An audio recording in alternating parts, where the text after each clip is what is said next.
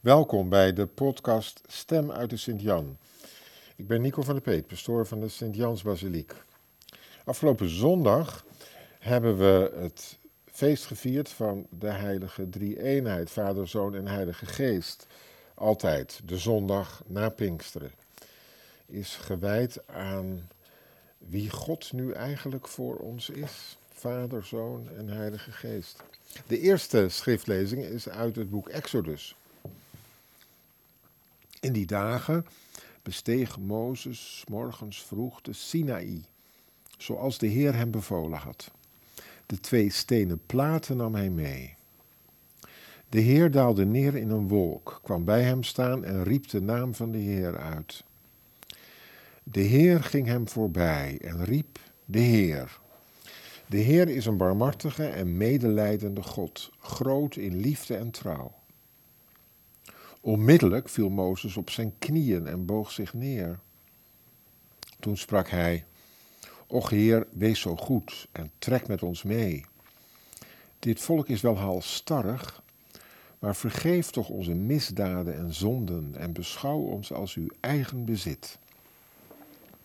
En dan uit de tweede brief van Paulus aan de Corinthiërs. Laat alles weer goed komen.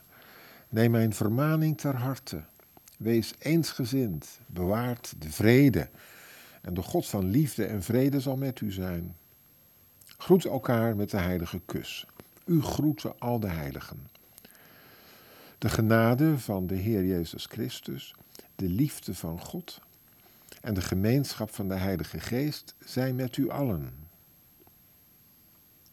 En enkele verzen uit het derde hoofdstuk van het Johannesevangelie. In die tijd zei Jezus tot Nicodemus: Zozeer heeft God de wereld lief gehad dat hij zijn enige geboren zoon heeft gegeven. Opdat al wie in hem gelooft niet verloren zal gaan, maar eeuwig leven zal hebben. God heeft zijn zoon niet naar de wereld gezonden om de wereld te oordelen, maar omdat de wereld door hem zou worden gered. Wie in hem gelooft, wordt niet geoordeeld, maar wie niet gelooft, is al veroordeeld omdat hij niet heeft geloofd in de naam van de enige geboren zoon van God.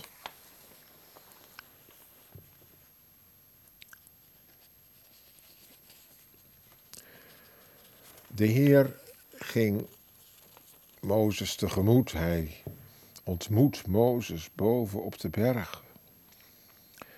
Mozes zal met lood in de schoenen de berg zijn opgegaan. Want alles leek voor hem wel mislukt. Hij was al eerder de berg opgegaan. Veertig dagen en nachten was hij bij de Heer geweest, daar in die verborgenheid, in die eenzaamheid, hoog boven het gewoel van het volk in de woestijn. Maar toen, toen hij lang wegbleef, was het volk in de woestijn gaan muiten eigenlijk tegen God en tegen Mozes. Konden niet langer wachten. Wat moeten we met zo'n God die hoog op de berg, hoog verheven is? Die wij niet kunnen zien, die ons niks oplevert, zo lijkt het wel. En u kent het verhaal wellicht, ze waren daar beneden in de woestijn hadden ze al hun goud bij elkaar gelegd en hadden ze een gouden afgodsbeeld gemaakt van een stierkalf, een symbool van rijkdom, van vruchtbaarheid, van economische groei. Dat kunnen we tenminste zien. Daar heb je wat aan, daar kun je je bankrekening mee vullen. Wat moeten we met zo'n verborgen God? Mozes had hoog op de berg het joelen en het juichen en het brallen van het volk beneden gehoord en was diep teleurgesteld afgedaald, had de tien woorden, de twee stenen platen met de tien geboden, stuk gegooid. Hij dacht dat alles verloren was, dat het volk niet meer geloofde in de bevrijdende God, die hen wilde opvoeden tot een verantwoordelijk leven, een leven in ware vrijheid. Het was weer met andere woorden moeilijk gevallen om de slavernij van Egypte achter zich te laten.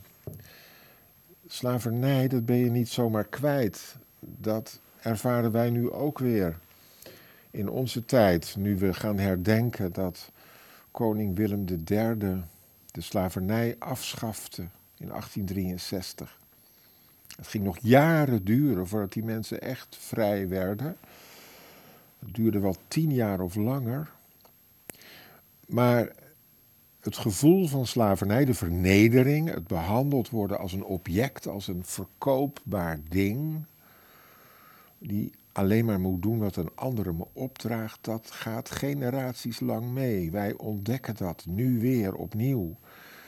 De nazaten van de toenmalige slaven zien dan ook uit naar de woorden van de achter-achterkleinzoon van Willem III, die hij op 1 juli zal gaan spreken bij de grote herdenking van Katie Coty.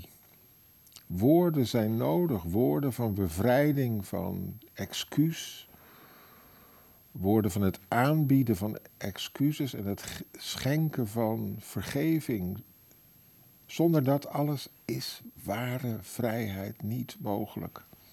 Zo bleek het ook dus met dat vrijgelaten volk van Israël. Niet vrijgelaten, maar had zichzelf bevrijd eigenlijk uit Egypte. Het zou nog lang duren voordat ze verantwoordelijkheid konden nemen, voordat ze werkelijk in vrijheid konden leven.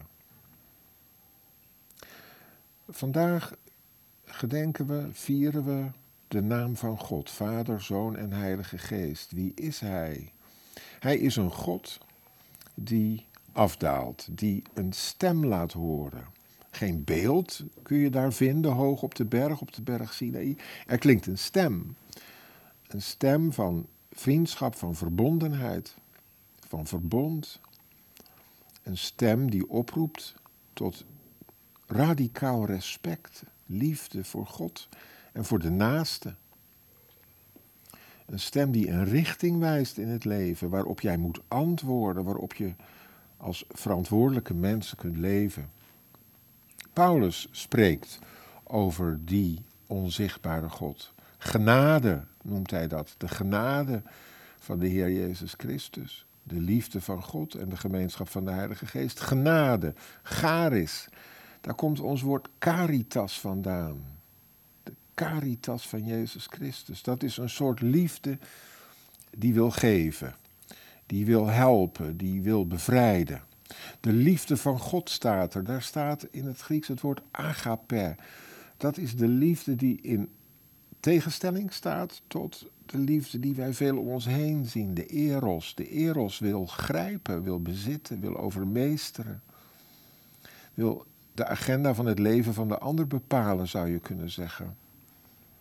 Hier is sprake van een ander soort liefde. De, de agape, de liefde die agape heet, stelt de ander in het centrum van de belangstelling.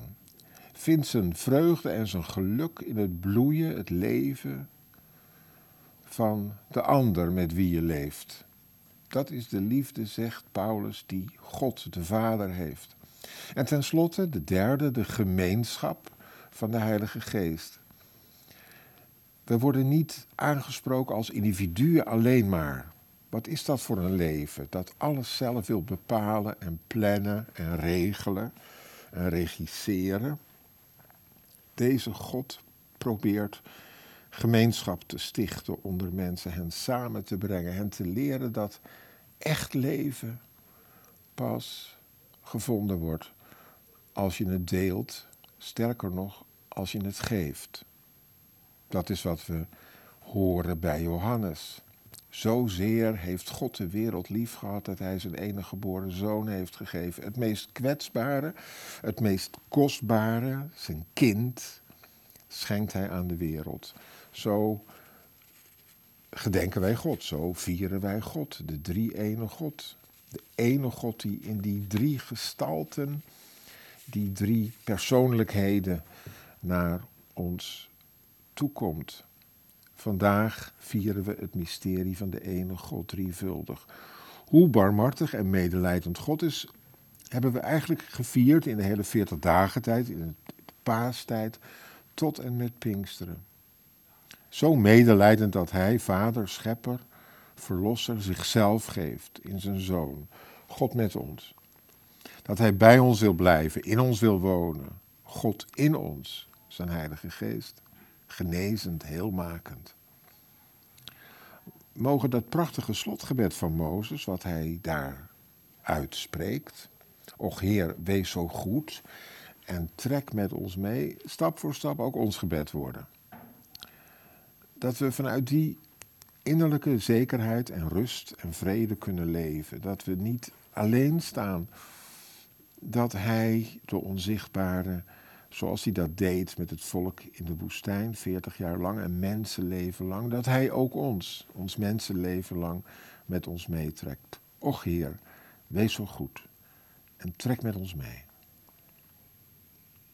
Volgende week vieren we opnieuw een bijzonder feest in de katholieke traditie, Sacramentsdag, het lichaam en bloed van Christus. Op sommige plekken wordt het rondgedragen. Komende zondag wordt de heilige hostie getoond en rondgedragen in de processie in Blaricum. En een paar weken verder, op 25 juni, in Laren. Christus, de Zoon van God, trekt met ons mee. Ik wens u een fijne week toe en graag tot de volgende keer.